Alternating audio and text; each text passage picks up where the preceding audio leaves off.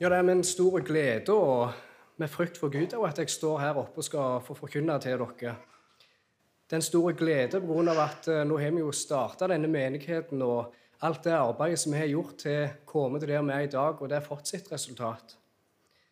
Jeg står òg med stor frykt pga. at eh, min rolle og Håvard sin rolle her det er at vi skal forkynne dere Guds fulle råd. Vi skal ikke forkynne dere hva våre egne tanker og drømmer, meninger. Vi skal forkynne dere hva er det Guds ord sier. Sånn at dere kan få lære Bibelen bedre å kjenne, og at dere òg skal kunne, skal kunne lære Gud å kjenne bedre.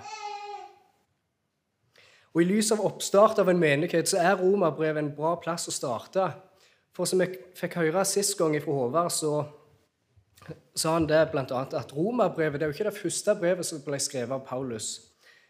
Det var det sjette brevet, men det ble eh, plassert først kronologisk sett i Bibelen vår. For at det romerbrevet er det som mange kaller grunnsannheter til frelse.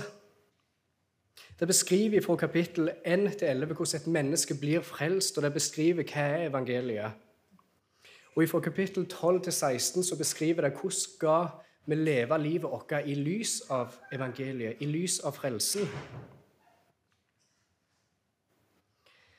Om romerbrevet så sa Martin Luther at det er det reneste evangeliet. Og det er vel verdt for en kristen å ikke bare, bare memorisere det vers for vers, men å være så oppslukt i det at det skal bli som brød for sjela og Dess mer nå vi skal gå gjennom romerbrevet her i menigheten, så tror jeg at vi vil se og forstå essensen av det Luther her sa. At det virkelig er grunnleggende sannheter til frelse og til et liv i etterfølgelse av Jesus. Og Ut ifra dagens tekst, fra vers 1-7, så vil jeg at vi skal se på to ting. Det første jeg vil vi skal se på, det er hvem var Paulus? Og Det andre jeg vil vi skal se på, det er hva jobba Paulus imot? Altså, hva, jobb, hva var målet til Paulus? Jeg vet ikke med dere, men Når jeg ringer til noen, så pleier jeg alltid å si 'Hallo, det er Thomas'. For Hvis jeg ringer til noen og bare begynner å snakke og legge ut om ting, så vil, folk, så vil folk mest sannsynligvis bare legge på, for de vet jo ikke hvem, hvem de snakker med. Og Det er på samme måte Paulus er åpne romerbrevet, Paulus, Jesu Kristi tjener, han identifiserer seg sjøl først for sine lesere.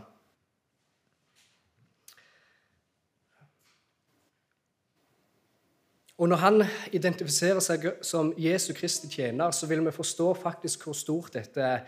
Ikke bare pga. betydningen av ordet 'tjener' i seg sjøl, men også med tanke på historien til Paulus. Så ut ifra det første punktet, da Hvem var Paulus?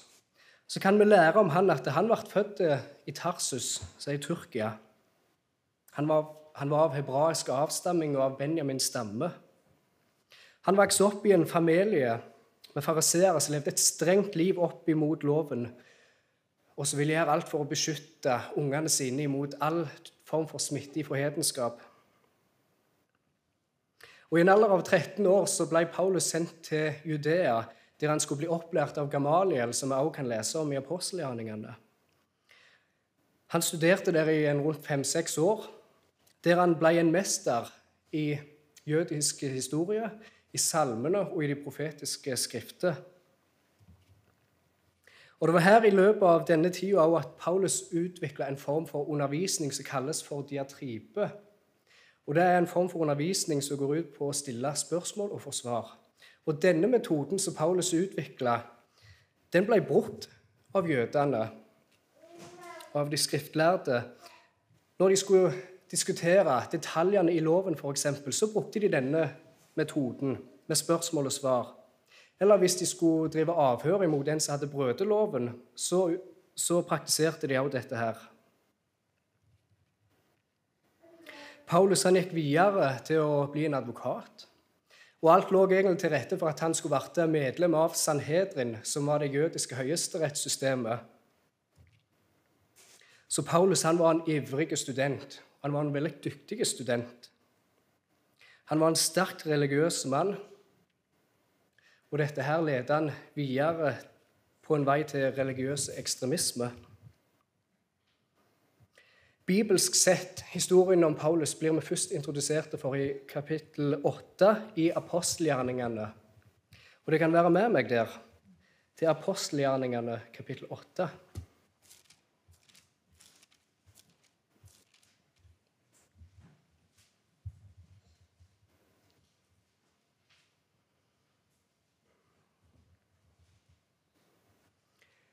Og Saulus var enig i at Stefanus ble drept.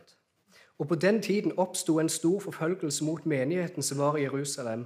Og alle sammen, bortsett fra apostlene, ble spredt utover områdene Judea Samaria. Og gudfryktige menn begravde Stefanus, og de holdt en stor dødsklage over ham. Men Saulus plaget menigheten. For han gikk inn i hus etter hus og dro ut menn og kvinner og fikk dem fengslet. Så det er sånn vi blir introdusert for Paulus her. Han var en forfyller av menigheten. Og Det første vi leser om han, det var at han ga sitt ja, han ga sitt samtykke til at en Jesu disippel skulle bli steina til døde.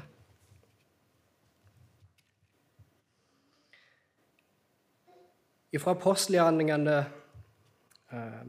fra apostelgjerningene 9 så kan vi lese om når Paulus var på vei til Damaskus. Han var på vei til Damaskus, for der skulle han fange kristne, menn og damer. Han skulle ta dem med tilbake til Jerusalem for at de skulle bli straffa. Og det er jo på vei til Damaskus at det, på, at det plutselig lyser et stort lys fra himmelen rundt Paulus. Og han detter ned til bakken. Og han hører en stemme som sier fra himmelen, 'Saul, Saul, hvorfor forfølger du meg?' Og han sier, 'Hvem er du, Herre?' Og han sa ifra himmelen, 'Jeg er Jesus, han som du forfølger'. Dette er jo mektig syn og en mektig historie. For tenk altså, Paulus han var på vei til Damaskus for å fange kristne folk. Og denne stemmen ifra himmelen, Jesus, han sier, 'Det er meg du forfølger'. Dette viser bare hvor sterkt Jesus identifiserer seg med sin brud, sitt folk. At når Paulus forfulgte de kristne, så forfulgte de han.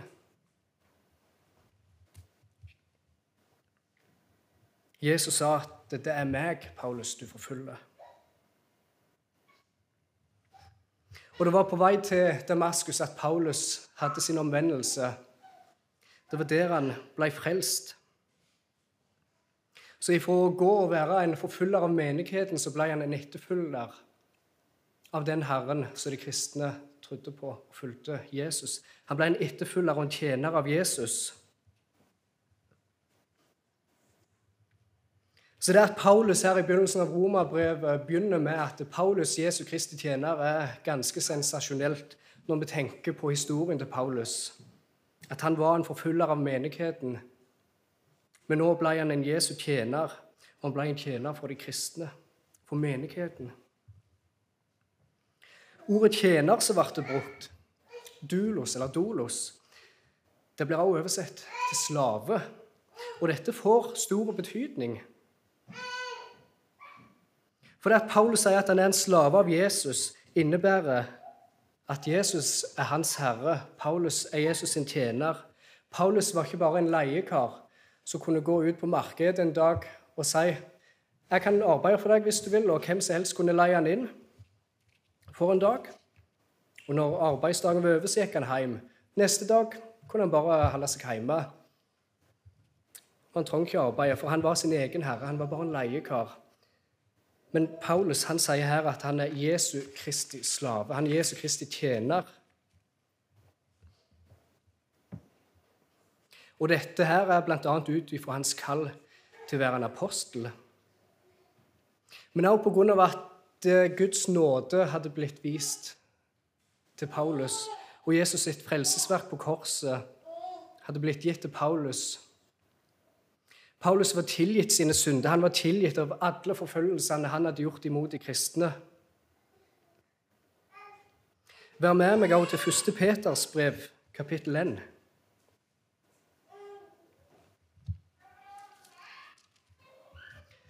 1. Peters brev, kapittel 1, og ifra vers 18.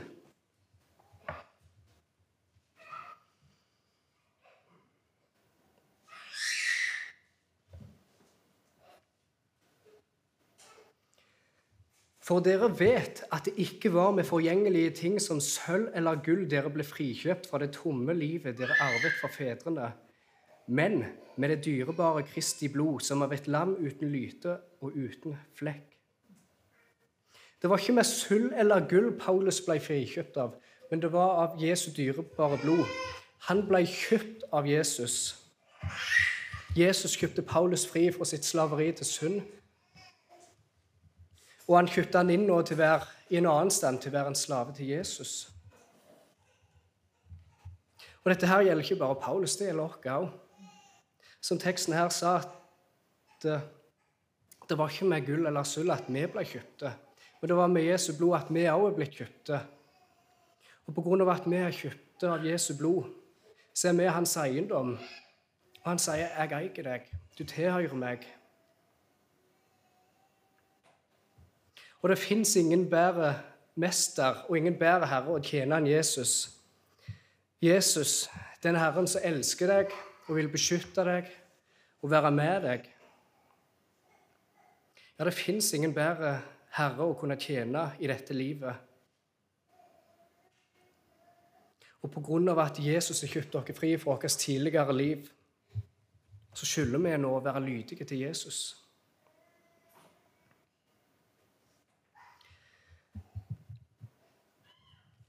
I punkt nummer to så spør jeg hva var det Paulus jobba imot?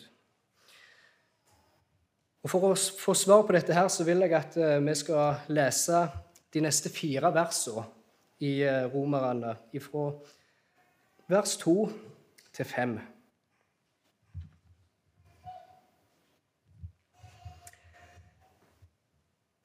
Jeg leser bare eh, Jeg tar med vers 1 òg. Paulus, Jesu Kristi tjener, kalt til apostel, utvalgt til Guds evangelium, det som han på forhånd lovte ved profeten sine i hellige skrifter, om sin sønn, han som etter kjødet er kommet av Davids ett, og som etter Hellighets ånd ble stadfestet å være Guds sønn i kraft ved oppstandelsen fra de døde, Jesus Kristus vår Herre.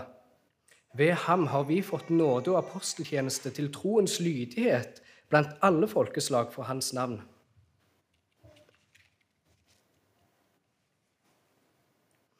Så rett etter sin introduksjon, introduksjon av seg sjøl så begynner Paulus, som han er kalt til apostel, utvalgt til Guds evangelium. Og Han begynner i de kommende vers å bare legge ut evangeliet for oss. Og Hans fokus er å poengtere at evangeliet var ikke noe ny plan. Det var ikke noe plan B for Gud. Det var ikke sånn at det var en overraskelse for Gud at Adam og Eva falt i synd i hagen, og at Gud ble febrilsk og finne ut hvem jeg gjør nå for å frelse dem. Nei, Paulus her han går i gang for å beskrive og bekrefte at evangeliet alltid har vært Guds plan ifra evighet av. I den passasjen vi var i tidligere, i 1. Peters brev, fra vers 20, så kan vi lese eh, Det kan bare notere notere det. 1. Peter eh, kapittel 1 vers 20. Der står det dette ble han, altså Jesus, utsatt til på forhånd, før verdens grunnleggelse. Så det hadde alltid vært Guds plan at Jesus skulle dø for syndere. Og Dette budskapet går Paulus inn på å forsvare. For menigheten i Rom det bestod av både hedninger, men også jøder.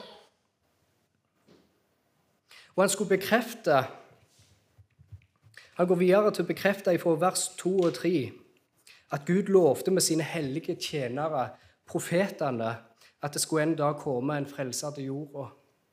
Det er profetert om Jesus at han skulle være født av en jomfru, som vi kan lese, lese fra Jesaja 7, 14, der det står derfor skal Herren selv gi dere et tegn. Se, jomfruen skal bli med barn og føde en sønn, og hun skal gi ham navnet Immanuel. Det er profetert om Jesus at han skulle bli født i Betlehem. Det kan vi lese fra Mika 5. Men du, Betlehem, Efrata, selv om du er liten til å være blant Judas tusener, for at deg skal han utgå for meg, han som skal være hersker over Israel. Hans utgang er fra fordums tid, fra evighetsdager. Det er også profetert at han skulle komme ifra Judas ett, som vi kan lese fra første Mosebok 49 og vers 10.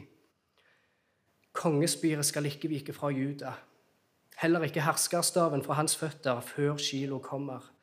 Ham skal alle folkeslag lyde.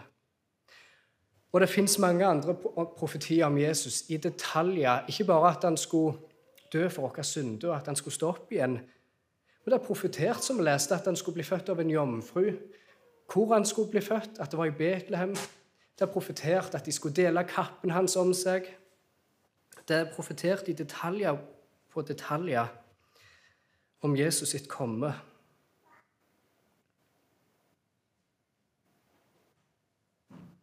For en visdom Gud har til å komme på en sånn frelsesplan med alle detaljene. Bli født av en jomfru, hvor han skulle bli født, osv. Hvis vi skal være ærlige med oss sjøl, tror jeg ikke at vi hadde vært i stand til å kunne komme på en så genial plan for å frelse syndere. Det er Guds evangelium, det er Guds plan for frelse.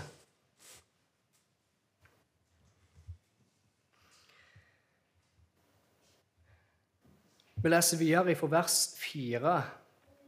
Og som etter Hellighets ånd ble stadfestet til å være Guds sønn i kraft ved oppstandelsen fra de døde, Jesus Kristus, vår Herre. Hva betyr dette her? I verset før så bekrefter Jesus at han kom av Davids ett.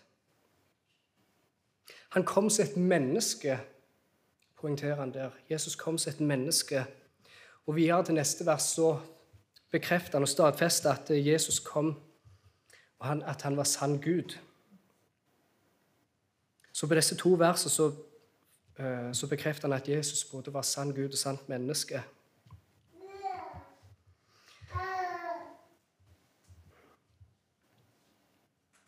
Så det står han ble stadfestet å være Guds sønn i kraft av oppstandelsen fra de døde. Jesus sa i Matteus 12,39, når fariseerne spurte han og ville se et tegn ifra Jesus, så sa Jesus at ikke noe annet tegn skal bli gitt til denne slekta utenom profeten Jonas sitt tegn. For på samme måte som Jonah var i fiskens buk i tre dager i tre netter, så skal menneskesønnen være i jordens hjerte i tre dager og tre netter. Jesus der profeterer om at han skulle dø og være død i grava i tre dager. Det hun profetert at han skulle oppstå. For vi kan lese fra Salme 16, vers 10. For du skal ikke forlate min sjel i dødsriket. Heller ikke skal du overlate din hellige til å se fordervelse. Nei, Jesus han så ingen fordervelse. Det var ikke noe synd i han. Han hadde levd et liv i total hengivelse til Faderens vilje. Og han gjorde og sa alt det som Faderen ville. Jesus hadde retten til livet, Jesus hadde retten til oppstandelsen. Om at han ble reist opp ifra de døde, var et eneste stort bevis på at han faktisk var Guds sønn. Når vi går videre til vers 5, så ser vi også summen av det som Paulus jobba imot, nemlig troens lydighet blant alle folkeslag for hans navn. Så det var ikke sånn at bare evangeliet om Jesu død og oppstandelse skulle bli profetert om, nei, ble profetert om i Gamle testamentet og det er heller ikke sånn at Paulus her introduserer en ny ting, et nytt aspekt av evangeliet som er ukjent, med troens lydighet. For hva var det vi leste ifra 1. Mosebok 49? Kongespiret skal ikke vike fra Juda, heller ikke herskerstaven fra hans føtter, før Kilo kommer. Ham skal alle folkeslag lyde. Allerede fra første Mosebok så ble det profetert om han kongen som alle folkeslag skulle lyde. Så det var ikke Paulus sitt mål at evangeliet bare skulle nå ut til enkeltpersoner. Det var ikke Paulus sitt mål at det bare skulle bli planta fullt av eh, eller starta fullt av bibelgrupper, selv om bibelgrupper er en god ting. Tro meg, det, det mener jeg. Eh, men målet til Paulus det var å se at troens lydighet skulle nå ut til alle folkeslag. Når vi nå leser dette verset til troens lydighet blant alle folkeslag Vi kan gjerne tenke ja vel, det var litt vel optimistisk. det Ser du ikke hvor stor motstand det er mot uh, kristendommen og imot kristne i dag? Vi bør egentlig bare være takknemlige om noen få kan bli ført til lydighet til Jesus.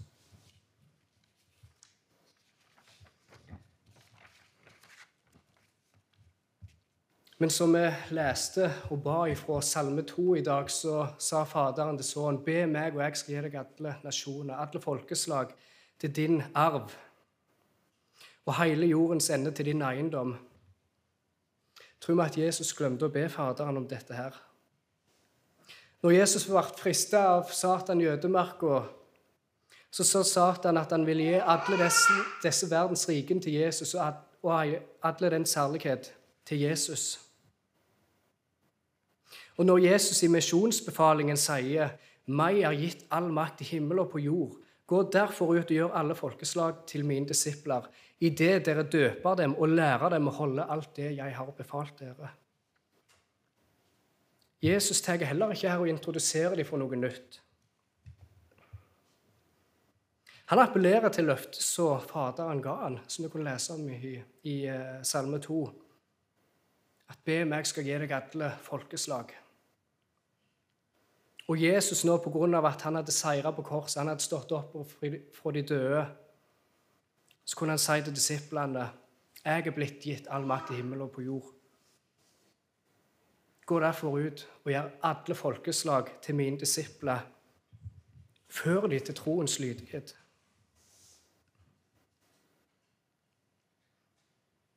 Dette løftet er et løfte som vil skje og det skal seire, for når Gud gir et løfte, så vil han utføre det. Han kaller oss til å være en del av denne erobringa. Han kaller oss til å være med og spre Guds rike. Og Guds rike det har vært spredd gjennom forkynnelsen av evangeliet, gjennom forkynnelsen av ordet. Av at mennesker som lever i mørket, blir ført over i lys. Og de blir ført over inn i Jesus sitt herlige rike. Det er sånn Guds rike sprer seg her på jorda. Gjennom forkynnelsen av evangeliet. Men Guds rike går også fram i trengsel, gjennom forfølgelse og gjennom martyrene sitt blod. Og det vet vi virkelig var tilfellet med de første kristne i Rom. De opplevde trengsel etter trengsel og forfølgelse på forfølgelse. Men det var gjennom trengsel at menigheten fikk sin vekst og blomstra. Jeg har lyst til å lese for dere et lite avsnitt fra et skriv fra kirkefaderen Tertulian. Eh, han var, han var også en sakfører eller en advokat, og han sto ofte og kjempa de kristne sin sak når de ble ført fram for de romerske domstolene. Og I et avsnitt der han skriver om de kristne som de beste borgerne i landet, så kan vi lese hvis vi hadde lov til å gjengjelde ondt med ondt, hva kunne vi ikke gjøre i en eneste natt med et par brennende fakler? Men Gud forby at vi skulle fremme vår rett ved ild og brann, eller at vi skulle sørge over lidelse og forfølgelse. Men hvis vi ville være fiender, da skulle vi ikke mangle krigsfolk. Vi oppsto i går, men allerede har vi oppfylt alt som dere eier. Fylt byer, øyer, festninger, kommunestyrer, byråd, krigsleirene, slottene, senatet og torvet. Bare templene har dere fått beholde. Vi kan telle deres krigsmenn, og vi kan regne at vi kristne er flere. Kan være at vi står tilbake for dem i krigsdyktighet, men i en annen ting er vi sterkere. Vi er ikke redde for å bli drept, tvert imot, men vår tro tillater oss snarere å drepes enn å drepe. Vi kunne forresten fått has på dere uten å gripe til våpen og uten å gjøre opprør. Vi kunne nemlig trekke oss tilbake for oss selv i en avsides krok av verden. Vi er så mange at handel og vandel da ville gå i stå, og verden ville bli like som utdødd. Da måtte dere gå og lete etter mennesker som dere kunne herske over, og det ville være flere fiender enn gode borgere tilbake. Dere vet jo at de kristne er de beste borgere av alle.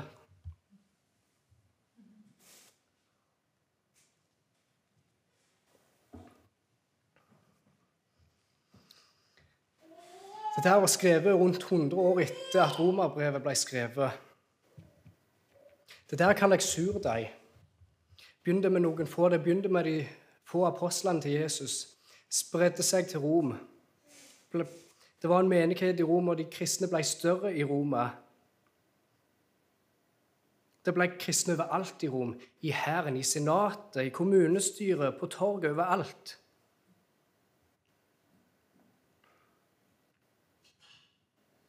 En virkelig, det er virkelig en liten surdeig som surner hele deigen. Og Jeg ville bare ta med og lese dette her avsnittet for å se Ja, det var kanskje 100 år etterpå at eh, romerbrevet ble skrevet. Paulus sa at jeg vil, fra, jeg vil at troens lydighet skulle komme til Roma. Og Her kunne vi se det begynte å komme til Rom.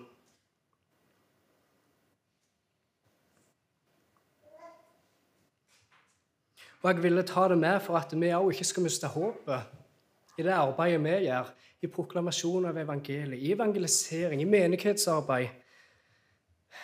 Det kan gjerne ta lang tid. Vi vil gjerne ikke se fruktene, vi som er her. Men Gud vil seire, og Gud vil gi frukter hvis vi er bare lydige til Han og er trofaste til Han.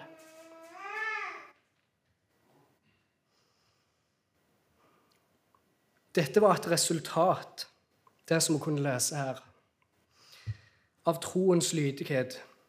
Og Det er ikke noe, snakk om noe lydighet til et svevende konsept, men det er snakk om en lydighet til Han som er troens opphavsmann og fullender, Jesus Kristus.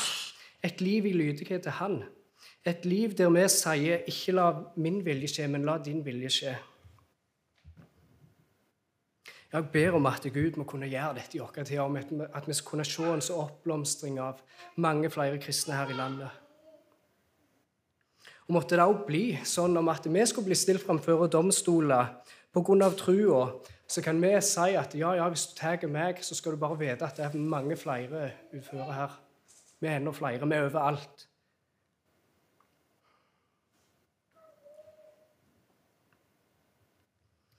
Jesus får mer og mer herredømme.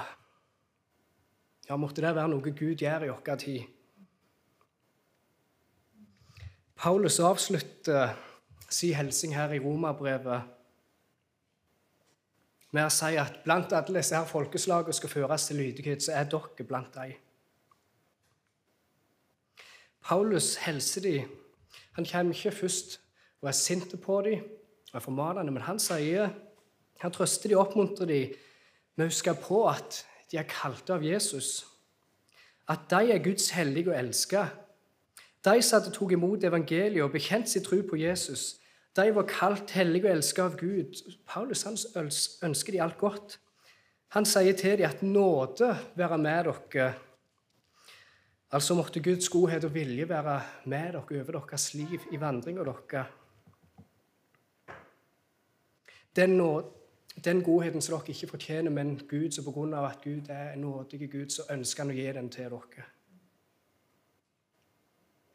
og fred ifra Gud som kommer ifra det gamle eh, konseptet med shalom, som snakker om Guds fred. Den fred som overgår all forstand.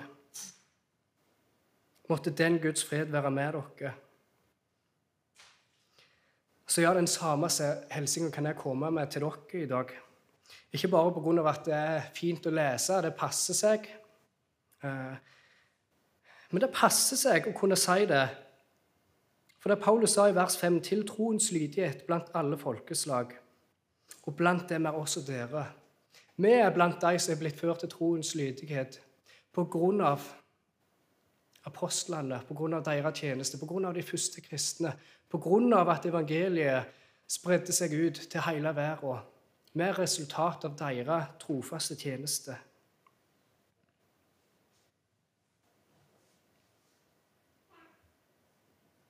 Så da kan, da kan jeg helse dere på samme måte i dag, dere som er her. Så til deg, du som sitter her i denne salen, du som har lagt ifra deg det gamle livet ditt, du som har bøya kne for Jesus og bekjent Hans Herre, du som setter en tillit til at Hans frelsesverk er det eneste som kan frelse deg. Den frelsen og den frelsesplanen som Gud lovte med sine hellige tjenere, profetene, om sin sønn Jesus, som kom ifra Davids ett, som ble stadfesta å være Guds sønn i kraft av oppstandelsen fra de døde. Du som har blitt kalt til troens lydighet. Du som er blitt kalt til å være lydig til Jesus på grunn av at han har kjøpt deg fri. Nåde og fred være med deg. Amen.